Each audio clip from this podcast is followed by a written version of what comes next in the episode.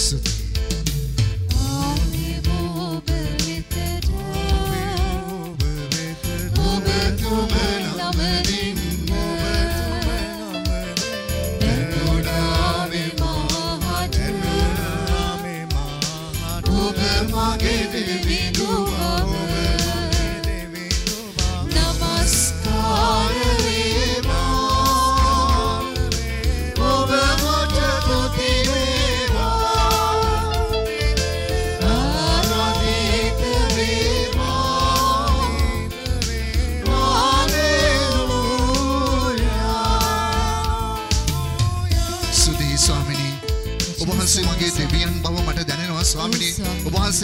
වහන්සේ ඵලයයි කියලා මට දැනෙනවා. ස්වාමිනී දැනෙනවා, ඔබ වහන්සේ මට ඉහළින් ඉදිරියෙන් දෙපැත්තෙන් පිටුපසෙන් සිටමින් ඔබ වහන්සේ මා ශක්තිමත් කරනවායි කියලා මට දැනෙනවා. ස්වාමිනී ඔබ වහන්සේගේ ආදරයෙන් මගේ ජීවිත බලවත් වෙනවා. ස්වාමිනී ස්තුති වේවා වහන්සේට. ප්‍රශංසා වේවා ස්වාමිනී. ඒ මහා ආදරයෙන් මගේ ජීවිතේ ශක්තිමත් වෙද්දී ඒ මහා බලයෙන් මගේ ජීවිතේ පෝෂණය වෙලා ස්වාමිනී. ස්තුතිය ඔබ වහන්සේට. ප්‍රශංසා. වේවා ස්වාමිනී. ස්තුති වේවා ස්වාමිනී. ප්‍රශංසා වේවා ස්වාමිනී. ස්තුති වේවා ස්වාමිනී. ප්‍රශංසා වේවා ස්තුති වේවා.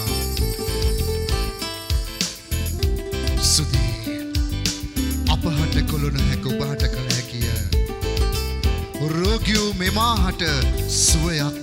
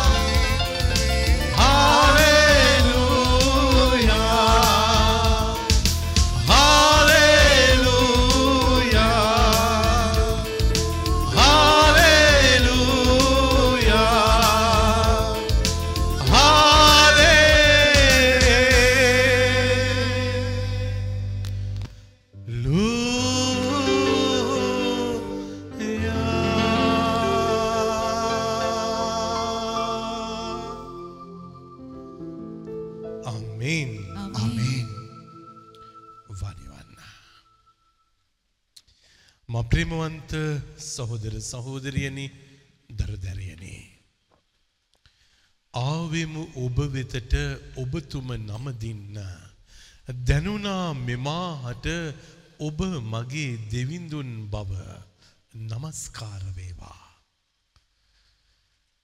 මනුස්්‍යයන් වශයෙන් නමස්කාරයක් ස්තුතියක් ගෞරවයක් කවුරු හරි දක්වනවා නම් ඒ දක්වන පුද්ගලයාට දැනෙන්නට ඕනේ අනිත් පාර්ශවය වටිනාකම් වලින් වැඩිවිච්ච ප්‍රබල කෙනෙක් කියලා.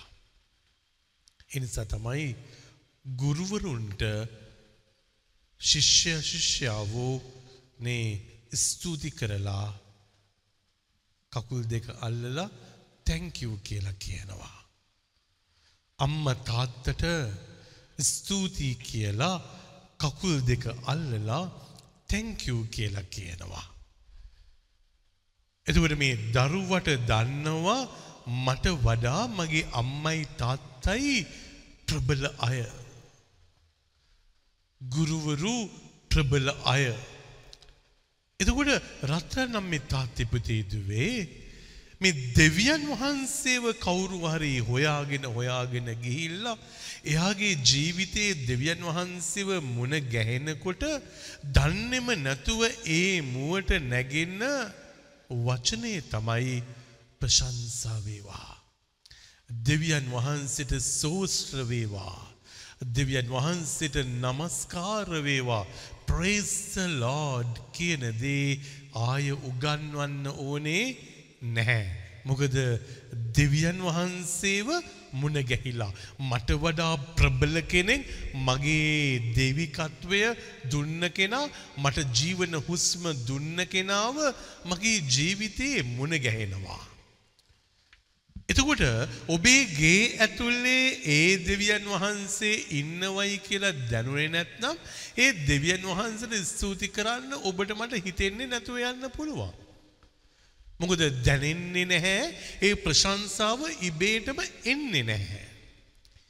ඒ නිසා මේක ආටිෆිෂල් එකක් නෙමෙයි ඒක કૃතිම දෙයක් නෙමෙයි. ඒක නිකන් උනේ ආරූඪ කරගන්න බෑ.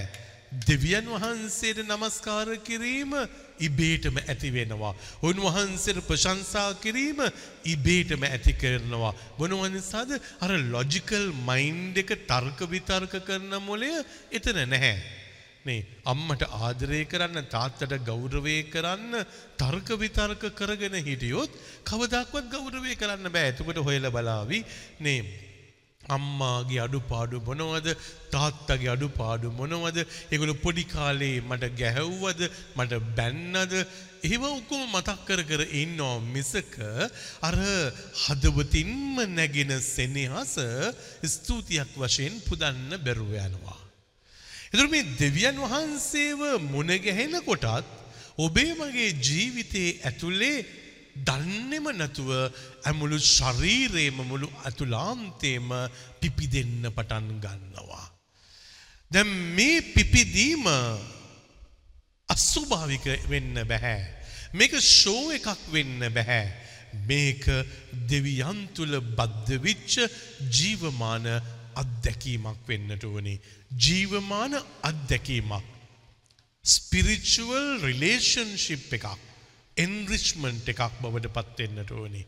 ඒ නිසා අද දවසේදී එපිසිවරුන්ගේ පොතේ තුන්වෙනි පරිච්ඡේදයේ 14වෙනි පදයේ සිට එපිසි තුනේ 14 පෙරලා ගන්න මේ හේතුව නිසා මේ හේතුව නිසා ස්වර්ගවලද ස්වර්ගවලද පොළොවේහිද පොළොවේද සියලු පවුල්වලද සියලු පවුල්වලද ප්‍රභවය වන ප්‍රභවය වෙන පියාණන් වහන්සේ ඉදිරියේහි පියාණන් වහන්සේ ඉදිරියේහි මම දනින් වැටි මම දනින් වැටි යාඥා කරමි. යාක්ෂා කෙලෙමි. එතුර රතනම් තාත්තෙ පුතේ දුවේ මේ යාඥාව මේ කවුරුත් කියපු නිසා යාඥා කරනවන් නෙමෙයි. දැනෙන්න පටන් ගන්නවා ඉහළ අහසේ පුලෝ තලේ ඒ දෙවියන් වහන්සේගේ වැඩ සිටීම. එතකොට මේ වැඩ සිටීම ගැඹුරෙන්ම දැනෙන්නට පටන් ගන්නේ කොතනද? පවුල තුල, කුටුම්බය තුල, සංඝය තුල දැනෙන්න පටන් ගන්නවා. දෙවියන් වහන්සේ අපේගේ ඇතුලේ දෙවියන් වහන්සේ මා තුල ජීවමානයි කියලා. එතකොට දැන් මේ අමාරුම දේ මොකක්ද? අපිට කියන්න පුළුවන් ද මිනිස්සුන්ට දෙවියන් වහන්සේගේ ආදරය දෙවියන් වහන්සේගේ ස්පර්ශය දෙවියන් වහන්සේගේ බලය මා තුල ජීවමානයි. ලේසි කතන්දරයක් නෙමෙයි. මොකද අපි සාක්ෂි දරුවොත් නේ මා තුල දෙවියන් වහන්සේගේ බලය ජීවමානයි කියලා හෙට දවසේ කේන්ති ගිය ගවම්ම තරහ ගිය ගවම්ම නේ භාර්යාව කියාවි ස්වාමි පුරුෂයා කියාවි නේ දෙවියන් වහන්සේගේ ආදරය දෙවියන් වහන්සේ ජීවමානයි කියලා ඔයා ප්‍රශංසා කරා නේද? දැන් මොකද කුණුහරුප කියන්නේ? දැන් මොකද කෑ ගහන්නේ? දැන් මොකද බනින්නේ? දැන් මොකද ගහන්නේ? දැන් මොකද මෙහෙම හැසිරෙන්නේ? දැන් මේක තමයි රත්නම් මේ තාත්ති පුතේ දුවේ තියෙන චැලෙන්ජ් එක. දෙවියන් වහන්සේ මා තුල ඉන්නවයි කියන දේ මට කියාගන්න බැරුව යනවා මගේ හැසිරීම වෙනස් වුණේ නැත්තම්. ළඟදී එක අම්ම කෙනෙකුට මං කිව්වා අම්මේ අද ඉඳලා ඔයා නේ ලිවිං සේන් කෙනෙක් වගේ ජීවත් වෙන්න ඕනේ ලිවිං සේන් කෙනෙක් වගේ. ඔබ අපිට ලිවිං සේන් කෙනෙක් කියලා මේ අම්මට මම කිව්වා. මේ දරුවෝ ඉස්සරහ අපිට කිව්වා. ඒගොල්ලන්ගේ. එතකොට නේ ටිකෙන් ටික නේ හැම කෙනාම මතක් කරලා දෙනවා ඔයාට දැන් මාර වැඩේ නේද අම්මේ වෙන්නේ. නේ ලිවිං සේන්ට්ලට බනින්න බෑ. ලිවිං සේන්ට්ලට කෑග් ගහලා නේ මොනවක්වත් කරන්න බෑ. එතකොට දැන් කෑම කනකොටත් අර දරුවෝ මතක් කරනවා අපිට දැන් කෑ ගහන්න නැති නේ දඟලන්නේ නැති වස අම්ම කෙනෙක් නෙමෙයි දැන් ඉන්නේ. අපි ගාව ඉන්නවා ලිවිං සේන් කෙනෙක් ඉන්නවා. එතු රටන මේ තාත්තේ පුතේ දුවේ යම්කිසි ආකාරයෙන් දෙවියන් වහන්සේගේ ආදරය දෙවියන් වහන්සේගේ බලය දෙවියන් වහන්සේගේ ස්පර්ශය ඔබ තුල මා තුල ජීවමානයි කියලා ඔබත් මාත් සාක්ෂි දරපු දවසේදී මිනිස්සුන් ඔබගෙන් මගෙන් බලාපොරොත්තු වෙනවා දෙවියන් වහන්සේ තුල ඉඳගෙන කොහොමද එහෙම කරේ? දෙවන් වහන්සේ තුල ඉඳගෙන කොහොමද කෑ ගැහුවේ? කොහොමද ඊර්ෂ්‍යා කරේ? කොහොමද වෛර කරේ? කොහොමද සණ්ඩු කරේ? කොහොමද මේ වගේ නේ අනවශ්‍ය විදියට අනිත් අයට තාඩන පීඩන දුන්නේ? කොහොමද කියන එක අහාවි.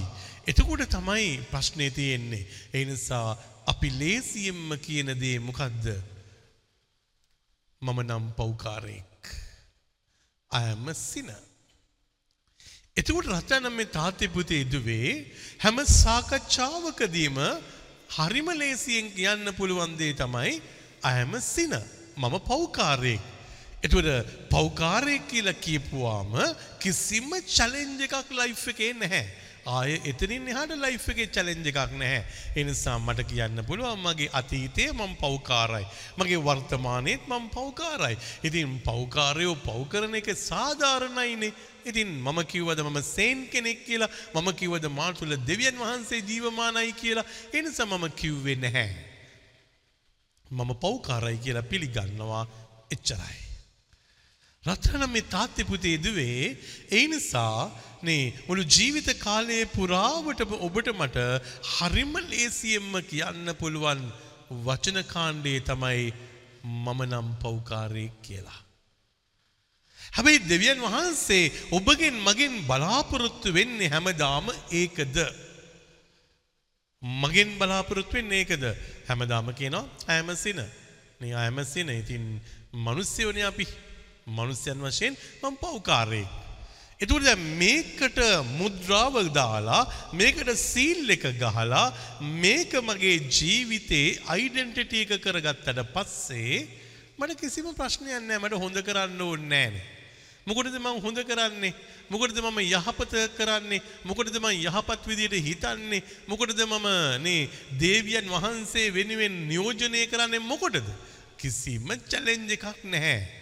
හැබැයි චැලෙන්ජ් එක එනවා දන්නේම නැතුව ස්වාමින් වහන්සේ තුළ ඔබේ මගේ ජීවිතය යාඥා යෝගියෙක් වෙනකොට.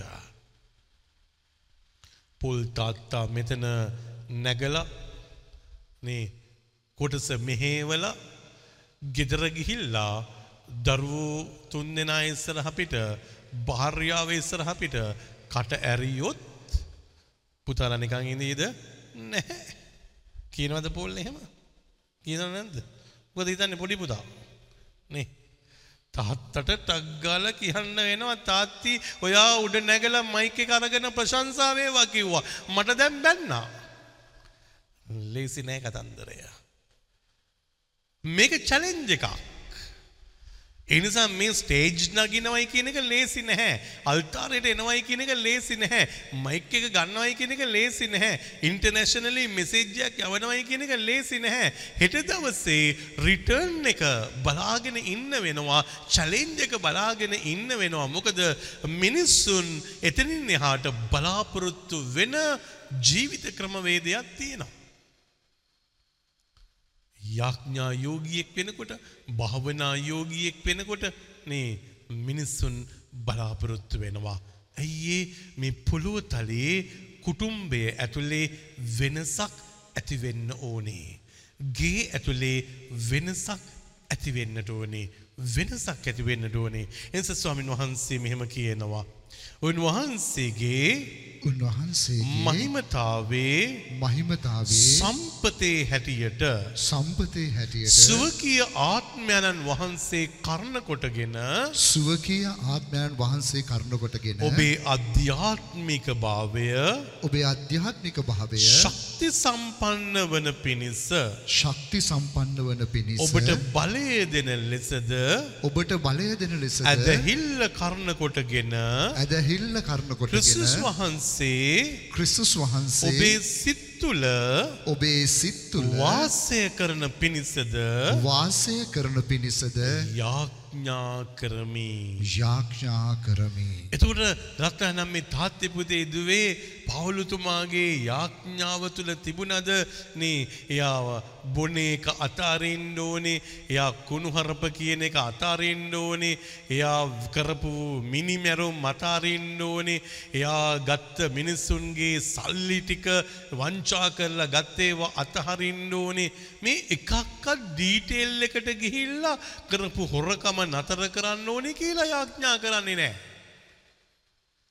දැන් අපිට ප්‍රේ කරද්දී සමහර වෙලාවට හිතෙනවා නේ මේ මිනිස්සුන්ව වෙනස් කරන්න ඒගොල්ලන් අතින් සිදුවිච්ච දේ කියලා පෙන්වන්න ඕනේ. සුදෝ පියාණනි මෙයා සොරකම් කරන නිසා ඔබ වහන්සේගේ දේව ආශිර්වාදයෙන් පුරවලා අද පටන් සොරකම නතර කරන්න මේ මොහොතේදී ඔහුට අවශ්‍ය කරන බලය දෙන්න.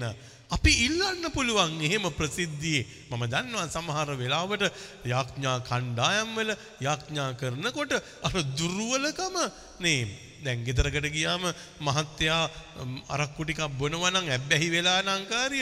අර යාඥා කරන අයත් යාඥා කරනකොට කියනවා. සුදු ස්වාමිනී මේ ගෙදර ගෘහ මූලිකයා ඇබ්බැහි වෙලා ඉන්න මේ මත්පැන් වලින් ඔහුව නිදහස් කරන්න කියලා අපි ඔබ වහන්සේ ඉදිරියේ මොර ගහනවා ස්වාමිනී කියලා අම්මු අම්මුවේ අර දුර්වලකම එළියට දානවා. අමු අමුවේ. හැබැයි දෙවියන් වහන්සේ ඉදිරියේ යාඥා කරන පාවුලුතුමා යාඥා කරන්නේ ඊට වඩා වෙනස් විදියකට. තාත්තා කෙනෙක් අම්ම කෙනෙක් ගෙදර යාඥා කරන්නේ වෙනස් විදියකට. මොනවද වෙනස් විදිය? මොකක්ද මේ වෙනස් විදිය මේක ඇතුලේ තියෙන? සුවකීය ආත්මයන් වහන්සේ කර්ණ කොටගෙන නේ මේ නිකන් නෙමෙයි. ශුද්ධාත්මයන් වහන්සේගෙන් පිරිලා ශුද්ධාත්මයන් වහන්සේගේ මෙහෙවීමට නතු වෙලා ශුද්ධාත්මයන් වහන්සේගේ මෙහෙවීමට සතු වෙලා තමයි මේ කර්තව්‍ය කරන්නට යන්නේ. එතකොට මේ කර්තව්‍ය කොහොමද දියත් කරන්නට යන්නේ. එතට කියනවයි තමන් පැහැදිලිවම අධ්‍යාත්මික භාවය. ස්පිරිචුවලිටිය එකක්. අධ්‍යාත්මික බලයක් අධ්‍යාත්මික සම්පතක් මේ දරුවගේ ජීවිතයේ ඇතුළේ ස්ථාපිත වෙන්නට ඕනි කියලා. එතුව රටන මේ තාත්තය පුතේ ඉදුවේ එතුවට වැරැද්දනේ මිනිසුන් වශයෙන් දකින්නේ අඩුපාඩුවනේ මිනිසුන් වශයෙන් දකින්නේ තියෙන නොහොම්බිනාකමනේ මිනිසුන් වශයෙන් දකින්නේ හැබැයි මේ නොහොම්බිනාකමවත් අඩුපාඩුවක්කත් කිසිම මොහොතකදී හයිලයිට් වෙන්නේ නැහැ. ඊට වඩා මෙයාගේ ජීවිතයට දේව සම්බන්ධතාවයක් ඇති කරලා දෙන්න කියලා තමයි යඥා කරන්නේ. සමහර වෙලාවට ගෙදර දරුවෝ ඉන්නකොට දෙවියන් වහන්සේ ඉදිරි යාඥා ගන්න පුළුවන්. ස්වාමිනී මගේ දරුවා ඉගෙන ගන්න නැහැ ස්වාමිනී ඒ නිසා මේ ඉගෙන ගන්න නැති මේ දරුවට මේ ඉගෙන ගන්න සිතක් පහල කරන්න ඉගෙන ගන්න සිතක් පහල කරන්න හොඳ වෙන්න සිතක් පහල කරන්න අපිට එහෙම ප්‍රේ කරන්න පුළුවන් දරුවා ඉස්සරහ අපිට. හැබැයි මේ දරුවව අධ්‍යාත්මික බලයක් තුළට ගෙනාවට පස්සේ දේවිකත්වය තුළට ගෙනාවට පස්සේ දේව ආදරයට නතු වෙන්න සැලැස්සුවට පස්සේ දෙවියන් වහන්සේගේ අතකිලි මත රැඳෙන්න සැලැස්සුවට පස්සේ අපි කියන්න ඕනේ නැහැ පාඩම් කරන්න කියලා. අපි කියන්න ඕනේ නැහැ හොඳ වෙලා ඉන්න කියලා. අපි කියන්න ඕනේ නැහැ වටිනාකම් නැති කරගන්න එපා කියලා. අපි කියන්න ඕනේ නැහැ කුණුවරප කියන්න එපා කියලා. මොකද අපිට කියන්න ඕනේ නැහැ. මොකද දෙවියන් වහන්සේගේ ආත්මානුභාවයට බද්ධ කරලායි තියෙන්නේ. නමුත් අපි අරගෙන බැලුවොත් කාර්ය මේ දවස්වල දරුවන්ට දෙමව්පියෝ මොනවා කියයිද? නේ යාඥා කරන්න පුතේ යාඥා කරන්න පුතේ යාඥා කරන්න දෙවියන් වහන්සේට කිට්ටු වෙන්න උන්වහන්සේගේ අතෙන් එලි මත රැඳෙන්න ගේද නැහැ පාඩම් කරන්න පුතේ පාඩම් කරන්න පුතේ පාඩම් කරන්න පුතේ පාඩම් කරන්න පුතේ නේ ඔන්ලයින් කරන්න අරග කරන්න හෝම්වර්ක් කරන්න. මේක තමයි අහන්නේ. හෝම්වර්ක් කරාද? හෝම්වර්ක් කරාද? හෝම්වර්ක් කරාද? ඇත්ත. මේක අවශ්‍යයි. අධ්‍යාපනය කියන දේ අවශ්‍යයි. හැබැයි අධ්‍යාපනයට ඉස්සර අධ්‍යාත්මයක් දුන්නොත් කාර්ය අධ්‍යාපනය කියන දේ හරිම ලේසි වෙනවා. මගේ ජීවිතයේ අධ්‍යාත්මය නැති කාලයේදී මම දන්නේ නැති කාලයේදී අධ්‍යාත්මය කියන්නේ මොකක්ද කියලා මට ඕන උනේ අධ්‍යාපනය කියන දේ.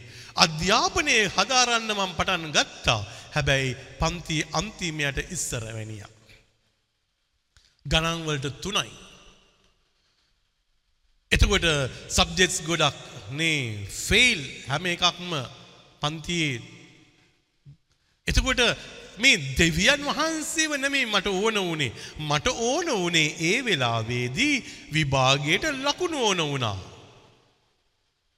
හැබැයි නේ මගේ ජීවිතයේ දෙවියන් වහන්සේව හොයන්න පටන් ගත්තට පස්සේ උන්වහන්සේත් එක්ක ජීවිතේ බද්ධ වෙනකොට උන්වහන්සේගේ අතගිලි මත රැඳෙනකොට උන්වහන්සේට මගේ ජීවිතේ පූජා කරන්නට මම කැමතියි කියලා කියනකොට මම ස්වාමි කෙනෙක් වෙන්න ආසයි කියලා කියනකොට ඒක මගේ ගෙදරට කියනකොට එතනින් එහාට අර තිබිච්ච නේ අඩුපාඩුව චුට්ට චුට්ට චුට්ට එහෙමම අයින් වෙලා ගිහිල්ලා ෆොටෝ කොපි මෙමරි එකක් අන්තිමට එන්න පටන් ගත්තා. සීයෙන් සීය ගන්න පුළුවන්. අම්බේ තාත්‍ය පුතේ දුවේ මේ එකම මොලය මේ එකම පුද්ගලයා. එත මේ එකම පුද්ගලයා එකම මොලය එක වෙනස් වෙලා. මොනව නිසාද වෙනස් වෙලා තියෙන්නේ? මේක ඇතුලේ තිබිච්ච දේවිකත්වයත් එක්ක තිබිච්ච බැඳීම. අද කිංස්ටන් කියන ඒ තරුණු කොළු පැටියට දෙවියන් වහන්සේ කියන ක්‍රිස්තුස් වහන්සේ කියන කෙනාව මුණ නොගැනහුණා නම් අද මගේ චැප්ටර් එක මීට වඩා වෙනස්. මගේ චැප්ටර් එක මීට වඩා වෙනස්. එහෙනම් මගේ දුර්වලකමත් එක්ක මම ගොඩක් දේවල් කරගෙන ඇති. හැබැයි ඒ දුර්වල කම ගැන මට අද නේ සන්තෝෂ වෙන්න පුළුවන් මොකද මට දෙවියන් වහන්සේ ඊට පස්සේ උන්වහන්සේව මුණ ගැහෙනකොට උන්වහන්සේගේ අතැඟිලි මත රැඳෙනකොට උන්වහන්සේත් එක්ක ගැඹුරු සම්බන්ධතාවයකට යනකොට උන්වහන්සේ වහලා තියපු දොරවල් ඔක්කොම විවෘත කරා. උන්වහන්සේගේ ආත්මික භාවයට බැඳෙනකොට උන්වහන්සේ බල සම්පන්න කෙනෙක් බවට පත් කරා. දේව බලය දේව ශක්තිය උන්වහන්සේ ඉහළ අහසෙන් ගලාගෙන එන්න සැලැස්සුවා. අම්මේ තාත්තිපුතීදුවේ. ඔබ දුර්වල නැහැ. ඔබේ පුතා දුර්වලත් නැහැ. ඔබේ දුව දුර්වලත් නැහැ. කවුරුවක්වත් දුර්වල නැහැ. දුර්වලයි නම් ඉක්මනටම කරන්න ඕන එකම දේ දෙවියන් වහන්සේත් එක්ක බද්ධ කරන්නට ඕනේ. නමුත් අපි දුර්වලයි නම් මොනව කරයිද? ළමයා දුර්වලයි නම් අපි දෙවියන් වහන්සේත් එක්ක නෙමෙයි බද්ධ කරන්නේ. නේ අද මේ වෙලාවේ මෙහෙයක් යනකොට ඔබේ දරුවව නේ ටීවී එක ඉස්සරහා පිට හරි ෆෝන් එක ඉස්සරහා පිට හරි මෙහෙය අහන්න chance එකක් දෙනවද? නැහැ. නේ ඔයා ඔයාගේ පාඩුවේ කාමරේට වෙලා හෝම්වර්ක් කරන්න. අපි මෙහෙ අහන්නම් අපි ආඥා කරන්න. ඔයා නේ ඔයාගේ ටාගට් එකට යන්න ඔයාගේ ටාගට් එකට යන්න very good ටාගට් ඔරියන්ටඩ් පීපල්ලා මේ පොළොව තලේ බිහි වෙන්න ඕනේ හැබැයි ඒ ටාගට් එකට යනකොට ෆ්‍රස්ට්‍රේෂන් එකක් ඇති වෙන්නට බෑ. ඒ නිසා ඉගෙන ගන්න දරුවෝ ඉන්නවා.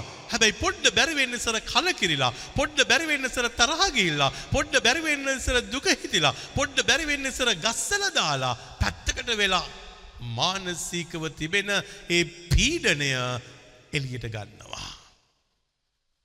ඇයි ඒ අධ්‍යාත්මයෙන් තුර ශක්තියක් උපද්දවන්න හදන නිසා.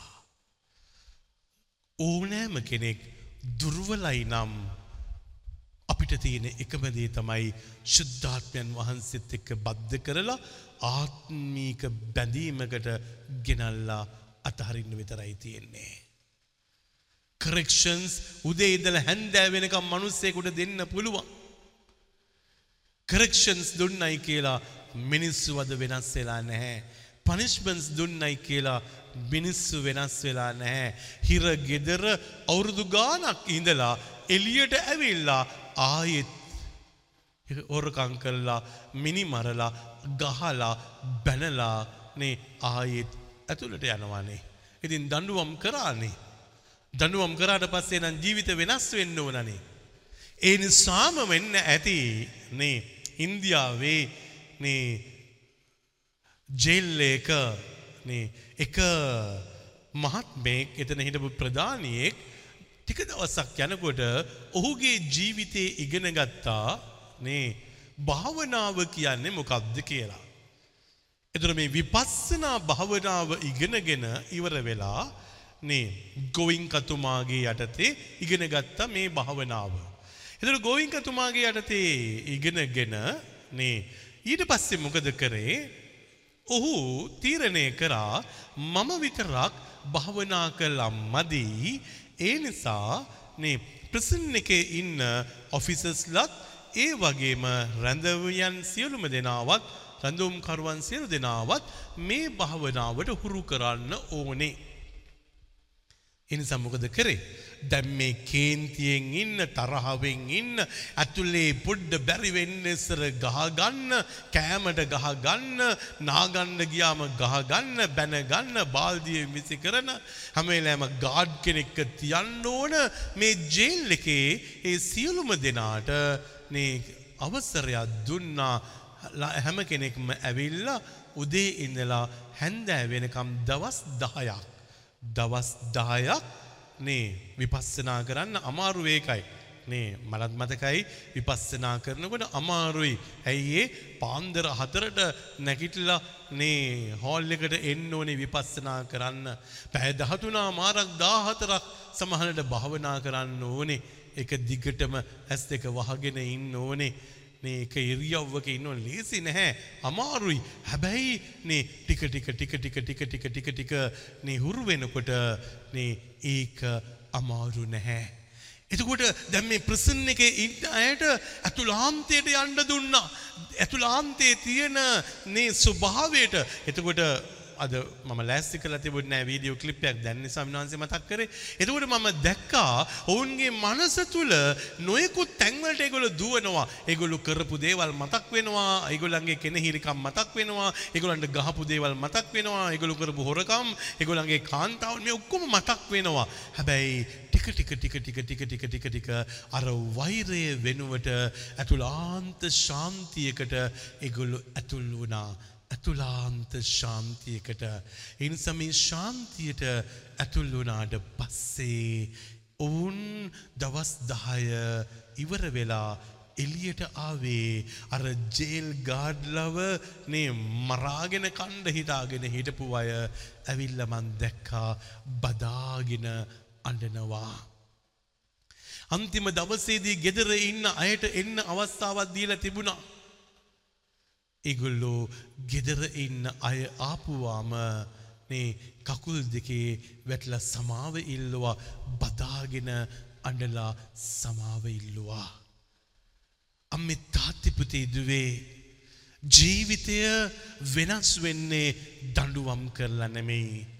ජීවිතය වෙනස් වෙන්නේ දේවිකත්වෙන් පුරවලා. ඒ නිසා මෙතන පැහැදිලිවම කියනවා මේ විදියට ඇදහිල්ල කරන කොටගෙන ක්‍රිස්තුස් වහන්සේ ඔබේ සිත්තුල වාසය කරන පිණිස යඥා කරමි. එතකොට අම්මේ තාත්තේ පුතේ දුවේ වැඩිහරි වැඩිහිටියන් වශයෙන් අපි අහන්න ඕනේ. අපේ දරුවන්ගේ සිත්තුල ක්‍රිස්තුස් වහන්සේ වාසය කරන විදියට ලෙස අපි යඥා කරනවද. ක්‍රිස්තුස් වහන්සේ වාසය කරන්න යඥා කරනවද. නේ සමහර වෙලාවට නැහැ. අපි කියන්නේ ජේසුනී මගේ පුතාව නේ ලොකු මහත්තයෙක් කරන්න ලොකු දුවෙක් කරන්න නේ ඒගොල්ලන්ගේ ලස්සන ලෝකයේ හදලා දෙන්න ඒගොල්ලන්ට අවශ්‍ය කරන මාවත් එලි පෙහෙලි කරලා දෙන්න. අපි ජේසු ස්වාමින් වහන්සේ වෙතට ගෙනියලා ඒගොල්ලන්ට අවශ්‍ය කරන වරප්‍රසාද ඉල්ලනවා හැම වෙලාවම ඒගොල්ලන්ගේ අනාගතය හොඳට හදලා දෙන්න කියලා ඉල්ලනවා. හැබැයි අද කියනවා තමත් පැහැදිලිවම නේ ඊට වඩා ඉල්ලනවට වඩා ඔවුන්ගේ ජීවිතවලට අවශ්‍ය කරන වරප්‍රසාද ඉල්ලනවට වඩා ඔවුන්ගේ සිත් තුළ ඔවුන්ගේ මනස තුළ ඔවුන්ගේ ආත්මය තුළ ක්‍රිස්තුස් වහන්සේට ජීවත් වෙන්න කියලා ආරාධනා කරලා යාඥා කරන්න. අම්මේ තාත්ති පුතේ දුවේ ජීවිතයක් වෙනස් වෙන්නේ එහෙම තමයි. ජීවිතයක් වෙනස් කරන්න පුළුවන් වෙන්නේ එහෙම තමයි. නැත්නම් දඩුවම් කරා කියලා කෑගැහැව්වයි කියලා බැන්නයි කියලා කනමිරිකුවයි කියලා දනගහල තිබ්බයි කියලා නේ මිනිස්සු වෙනස් වෙන්නේ නැහැ. වෙනස ස්වභාවිකවම එන්න අවශ්‍ය කරන දේවිකත්වේ වටපිටාව හදල දෙන්න ඕනේ. දේවිකත්වේ වටපිටාවක් හදල දෙන්නට ඕනේ. එනිසයි මා හැමදාම හැම කෙනාටම කිව්වේ ඔබේ ගෙදර ප්‍රයාටවර් එක හදාගන්න ප්‍රයාටවර එක හදාගන්න. ඔබේ ගෙදර ප්‍රයාටවර් එකේ තාත්තා ඉන්නවා පේන්න ඕනේ අම්ම ඉන්නවා පේන්න ඕනේ යාඥා කරනවා පුතාලට දුවලට දැනෙන්න ඕනේ. අපිට තියෙන අර සුරුවම් කූඩු කන්සෙප්ට් එකේ ඒ වැඩේ වෙන්නේ නැහැ. ඇයි ඒ වෙන්නේ නැත්තේ?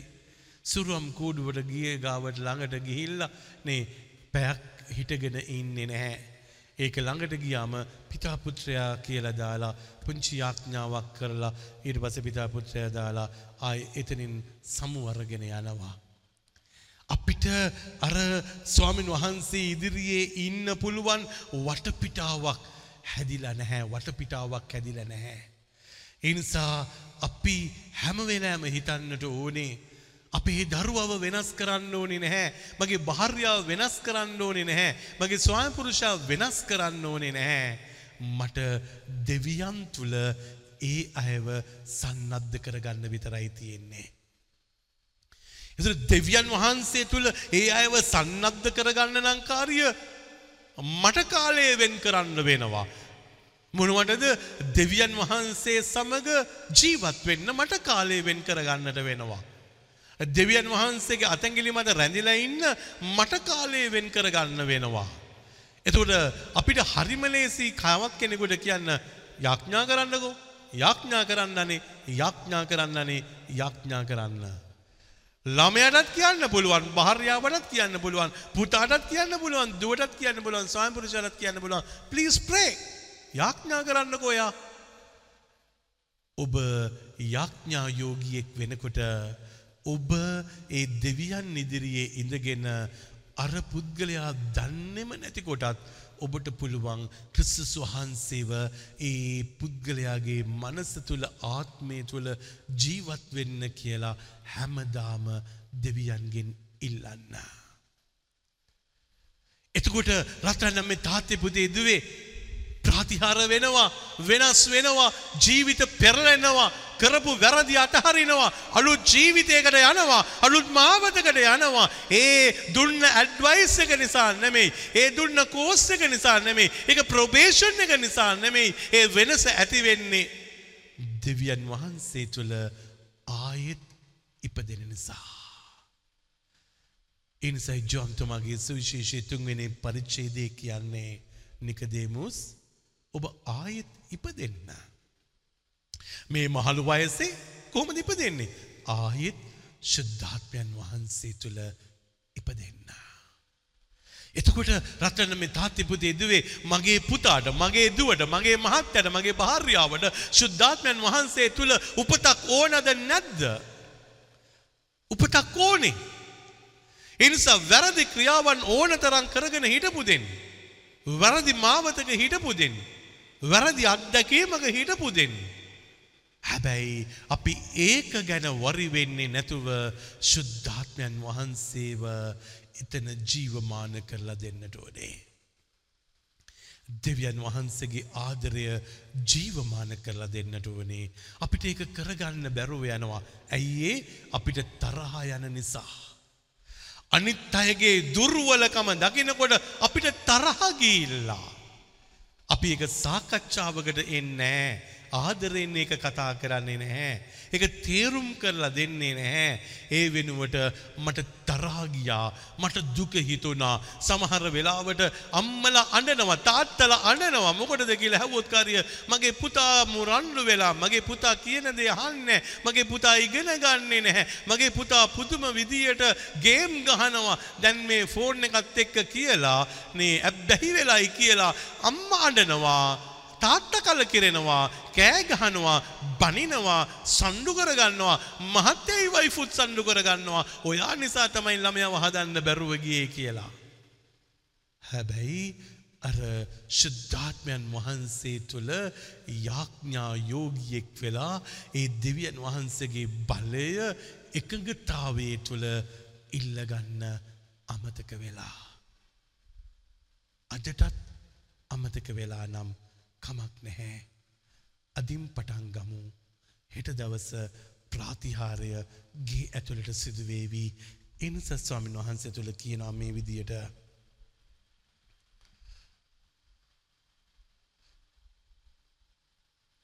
තවද තවද ප්‍රේමී මුල් බැස ප්‍රේමයෙන් මුල් බැස ස්තීරව පිහිටා සිටින පිණිසද සීරු පිහිටා සිටින පිණිසද යාඥා කරමි.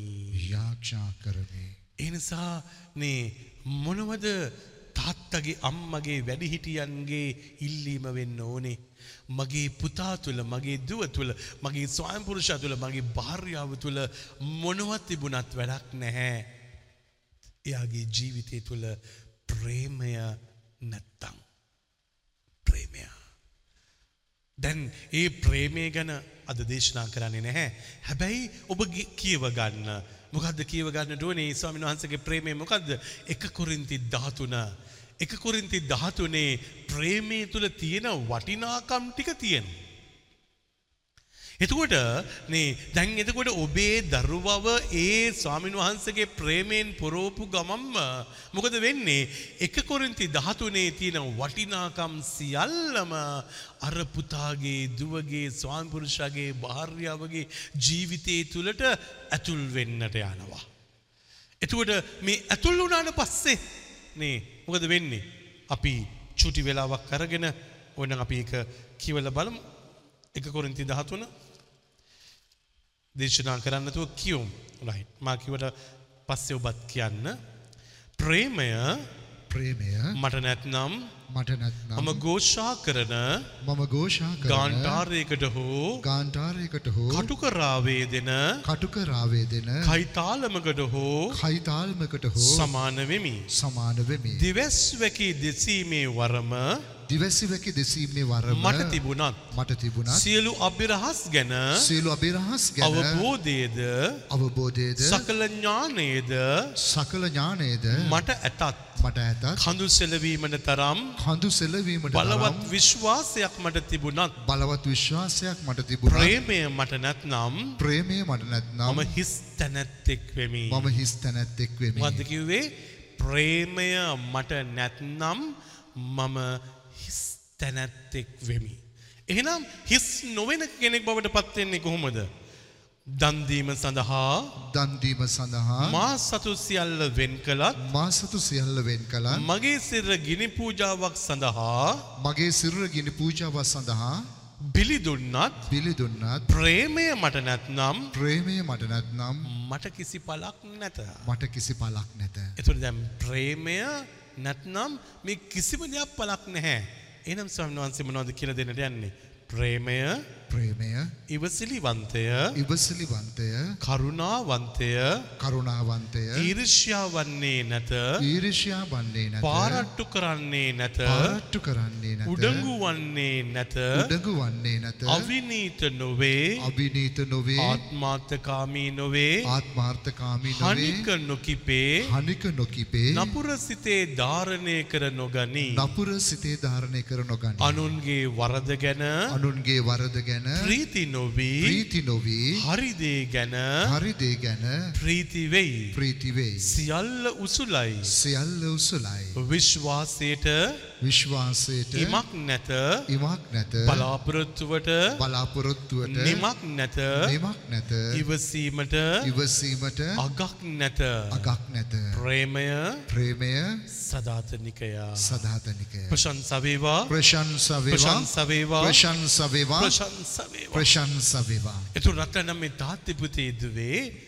නේ ඔබේ පුතාගේ ඔබගේ දුවගේ අම්මගේ තාත්තගේ ජීවිතයේ ඇතුළේ ක්‍රිස්තුස් වහන්සේව තැම්පත් කරලා ප්‍රේමය දෙවන් වහන්සගේ ප්‍රේමය ඔවුන් තුළ රජකම් කරන්න ඉඩ දුන්නට පස්සේ මොකද වෙන්නේ අර හැසරීම් රටාව වෙනස් වෙන්න පටන් ගන්නවා. වෙනස් කරනවා නෙමෙයි. ඉබේටම වෙනස් වෙන්න පටන් ගන්නවා. දැන් අපි වෙනස් වෙනකම් බලාගෙන ඉන්නේ නෑ. දැන් කියලා දැන් ප්‍රතිබල ඕනේ. මං කිව්වයි කියලා හොඳට මතක තියාගන්න. හෙට දවසේ ආයෙත් මේක කරොත් චැප්ටර් එක ඉවරයි.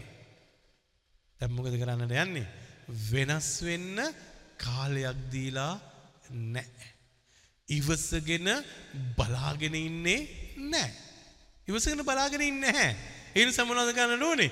මං ආස කරන මො විදියට මං ආස කරන හැටියට මං කැමති වෙලාවට අනිත් ඔක්කොමලා වෙනස් වෙන්න ඕනේ. ඉන්සරතන මේ තාත්‍යපති දුවේ ප්‍රේමය ඒ ඇගේ ජීවිතය තුළට ඉල්ලුවට ඒ ප්‍රේමය මාගාව නැත්නම් මට ඉවසගෙන ඉන්න බැරුව යනවා. ඉවසගෙන ඉන්න බැරුව යනවා. එනිස රටනම් මේ තාත්තිපුතේ දුවේ අපි කලබල වුණා කියලා ප්‍රශ්න විසඳෙන්නේ නෑ. අපි තැතිගත්ත කියලා ප්‍රශ්න විසඳෙන්නේ නෑ. අපි හඬා වැලපුනා කියලා ප්‍රශ්න විසඳෙන්නේ නෑ. මම නම් කෑම කන්නෙත් නෑ කියලා නිදාගත්තයි කියලා ප්‍රශ්න විසඳෙන්නේ නැහැ. ඕන නම් මහත්යට කියන්න පුළුවන් ළමයාට කියන්න පුළුවන් භාර්යාවට කියන්න පුළුවන්. නේ මම කෑම ටිකක්වත් කන්නේ නැහැ මට කෑමත් ඕනේ නැහැ මම නිකම්ම නිකන් හිස් බඩින් බඩගින්නේ නිදා ගන්නම් ජීවිත වෙනස් වෙන්නේ නැහැ. ඔබ බඩගින්නේ නිදාගත්තයි කියලා එයා වෙනස් වෙන්නේ නැහැ. මොකද වෙනස් වෙන්න එහෙම ලොකු බලයක් ඔයා බඩගින්නේ ඉඳලා නිදාගත්තයි කියලා වෙන්නේ නැති නිසා. එනිසා දෙවියන් තුළ ඔබ ආයෙත් ඉපදෙන දරුවෙක්ව පුතෙක්ව දුවෙක්ව අම්ම කෙනෙක්ව තාත්ත කෙනෙක්ව නිර්මාණය කරන්න යඥා කරන්න. ඉනිස ස්වාමීන් වහන්සේ මෙහෙම කියනවා. සියලු සැදැහැවතුන් සමග සියලු සැදැහැවතුන් ක්‍රිස්තුස් සමග වහන්සේගේ ප්‍රේමයෙහි ක්‍රිස්තුස් වහන්සේගේ දිගත් ප්‍රේමයේ දිගත් පළලත් පළලත් උසත් ගැඹුරත් උසත් ගැඹුරත් වටහා ගැනීමට වටහා ගැනීමට ශක්තිය ලබා ශක්තිය ලබා ක්‍රිස්තුස් වහන්සේගේ ක්‍රිස්තුස් වහන්සේගේ ඥානාක්‍රාන්ත ප්‍රේමය ඥානාක්‍රාන්ත ප්‍රේමය අවබෝධ කරගෙන අවබෝධ කරගෙන දෙවියන් වහන්සේගේ දෙවියන් වහන්සේගේ පරිපූර්ණතාවෙන් පරිපූර්ණතාවෙන් ඔබට පූර්ණ වන පිණිස ඔබ පූර්ණ වන පිණිස යාඥා කරමි. යාඥා කළමි ප්‍රශංසා වේවා. ප්‍රශංසා වේවා. ප්‍රශංසා වේවා. ප්‍රශංසා වේවා. එතකොට කාගේ ඥානා ලෝකයේ ප්‍රේමයේද දැන් අපේ ඉල්ලන්නේ? ක්‍රිස්තුස් වහන්සේගේ. පුතාගේ ජීවිතයට දුවගේ ජීවිතයට මහත්තයාගේ ජීවිතයට ඒ ඥානය ඒ බලය ඒ ප්‍රේමය ස්ථාපිත කරන්න කියලා යාඥා කරන්නට ඕනේ.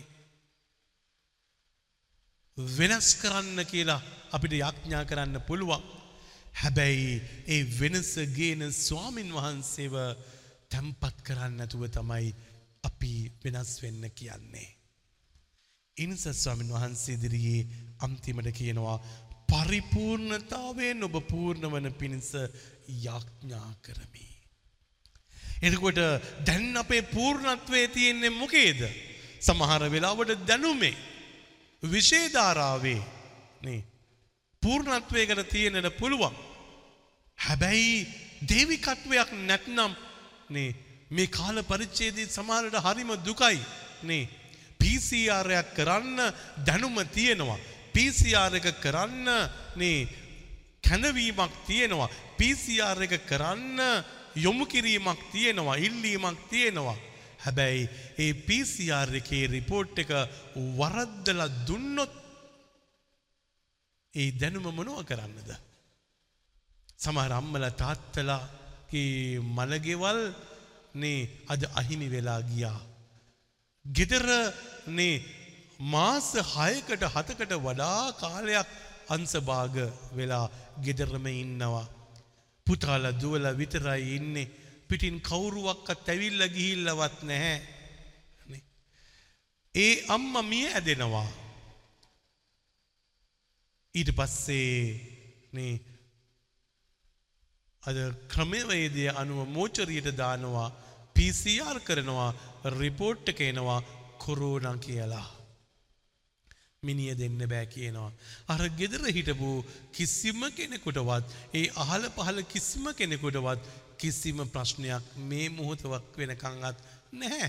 එගොලු සාමාන්‍ය විදියට ඉන්නවා. හැබැයි අර ලෙඩ ඇඳේ හිටපු අම්මට තාත්තට කොරෝන කියන ඒ මුද්‍රාව දාලා. එතකොට නේ ඒ ජීවිතයට දන්න දැනුම පාවිච්චි කරා දැනුම. හැබැයි අර දරුවන්ට අම්මව නැති කරලා අම්මගේ අන්තිම මොහොත නැති කරලා තාත්තගේ අන්තිම මොහොත නැති කරලා ඒ පුතාගේ දුවගේ අන්තිම මොහොත නැති කරලා මේ මොහොතේදී දැනුමෙන් වැඩ කරලා මොනව කරන්නද? දැනුම මේ පොළොව තලයේ අපිට පාවිච්චියට ගන්න පුළුවන්. අධ්‍යාපනයත් පාවිච්චයට ගන්න පුළුවන්. හැබැයි දේවිකත්වයෙන් නැතුව ගියොත්කාරිය එතනදී අර මුළු සංහතියම දුකට පත්වෙනවා. හිනිස රටනම් මේ තාත්තිපුතේ දුවේ මිනිස්සුන්ව උගත් කරලා මදි.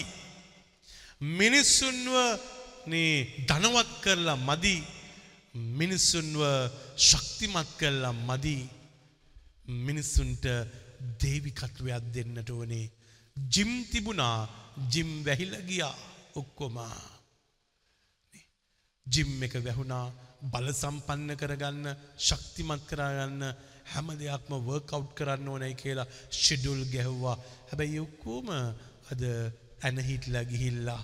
කඩවල් වලින් බිස්නස් කරන්න ඕනෙ කියලා බිස්නස් කරා. අදම මීගමේ ටවමින් එනකොට නේ මන් දැක්කා කඩවල් ලොක්කෝම වහලා කඩවල් ලොක්කෝම වහලා. එතකොට නේ මිනිස්සුන් වශයෙන් ඥානය පාවිච්චි කළා ගොඩක් දේවල් කරා. මිල මුදල් හොම්ප කරන්න ගොඩක් පැලෑන් කරා සලසුම් කරා. හැබැයි එක පුංචි ඇහැට පේන්නැති නේ කුරෝනා වෛරසයක් අපි ඔක්කොම ලව නිහඬ කරලා අපි ඔක්කොම ලව හිර කරලා අපි ඔක්කොම ලව තැතිගන්නල සලස්සලා අපි ඔක්කොම කඩාගෙන වැටෙන්න සලස්සලා. අම්බි තාත්තිපුති දුවේ කොරෝනාව නිසා ලොක්ඩවුන් එක හෙට දවසේ ඇරේවී ලොක්ඩවුන් එක අයින් කළ දමාවී හැබැයි දේවිකත්වයෙන් පිරිච්ච මිනිස්සු හිටියේ නැත්නම් කොරෝනාව නතර වෙන්නේ නැහැ. කොරෝනාව නතර වෙන්නේ නැහැ. ඒගොල්ලෝ කියාවේ අපේ මාස් ෆැක්ටරියට දැන් මොකද කරන්නේ? අපේ සැනිටයිසර්ස් වලට මොකද කරන්නේ? අපේ මේ ඉක්විප්මන්ට්ස් වලට මොකද කරන්නේ? අපි ෆැක්ටරිස් හැදුවා, අපි කම්පැනිස් හැදුවා, අපි බඩු ගෙන්නවා, අපි තාමත් බඩු ගෙන්නගෙන ඉන්නවා. තවත් මේ අත හෝදන මැෂින්ස් ගේනවා, ඩිටෙක්ටර්ස් ගේනවා. එතකොට ඒවට මොකද වෙන්නේ? ඒ නිසා ඒවත් පවතින්න නම් කොරෝනාව මිය ඇදෙන එකක් නෑ. කොරෝනාව මිය ඇදෙන එකක් නැහැ. එනිසා කොරෝනා මිය ඇදුන්නේ නැති මේ ලෝකයක දෙවියන්ව ජීවමාන කරලා ජීවත් කරවන්න තමයි ඔබට මට දැන් සිදුවෙන්නේ. දෙවියන් වහන්සේ ඔබ තුළ මා තුළ ජීවමාන කරගනිමු. හෙට දවස වෙනකොට කාට බෝ වෙනවද කාට බෝවෙන් නැද්ද කියලා කවුරුවක්කත් දන්න හැ. දේශනා කරන මට වෙන්න පුළුවන්. හැබැයි මගේ ශරීරය නැසෙන්න පුළුවන් ආත්මය විනාශ නොකරන ඒ දෙවියන් වහන්සේව ඔබ තුළ මා තුළ තියාගන්නට ඕනේ.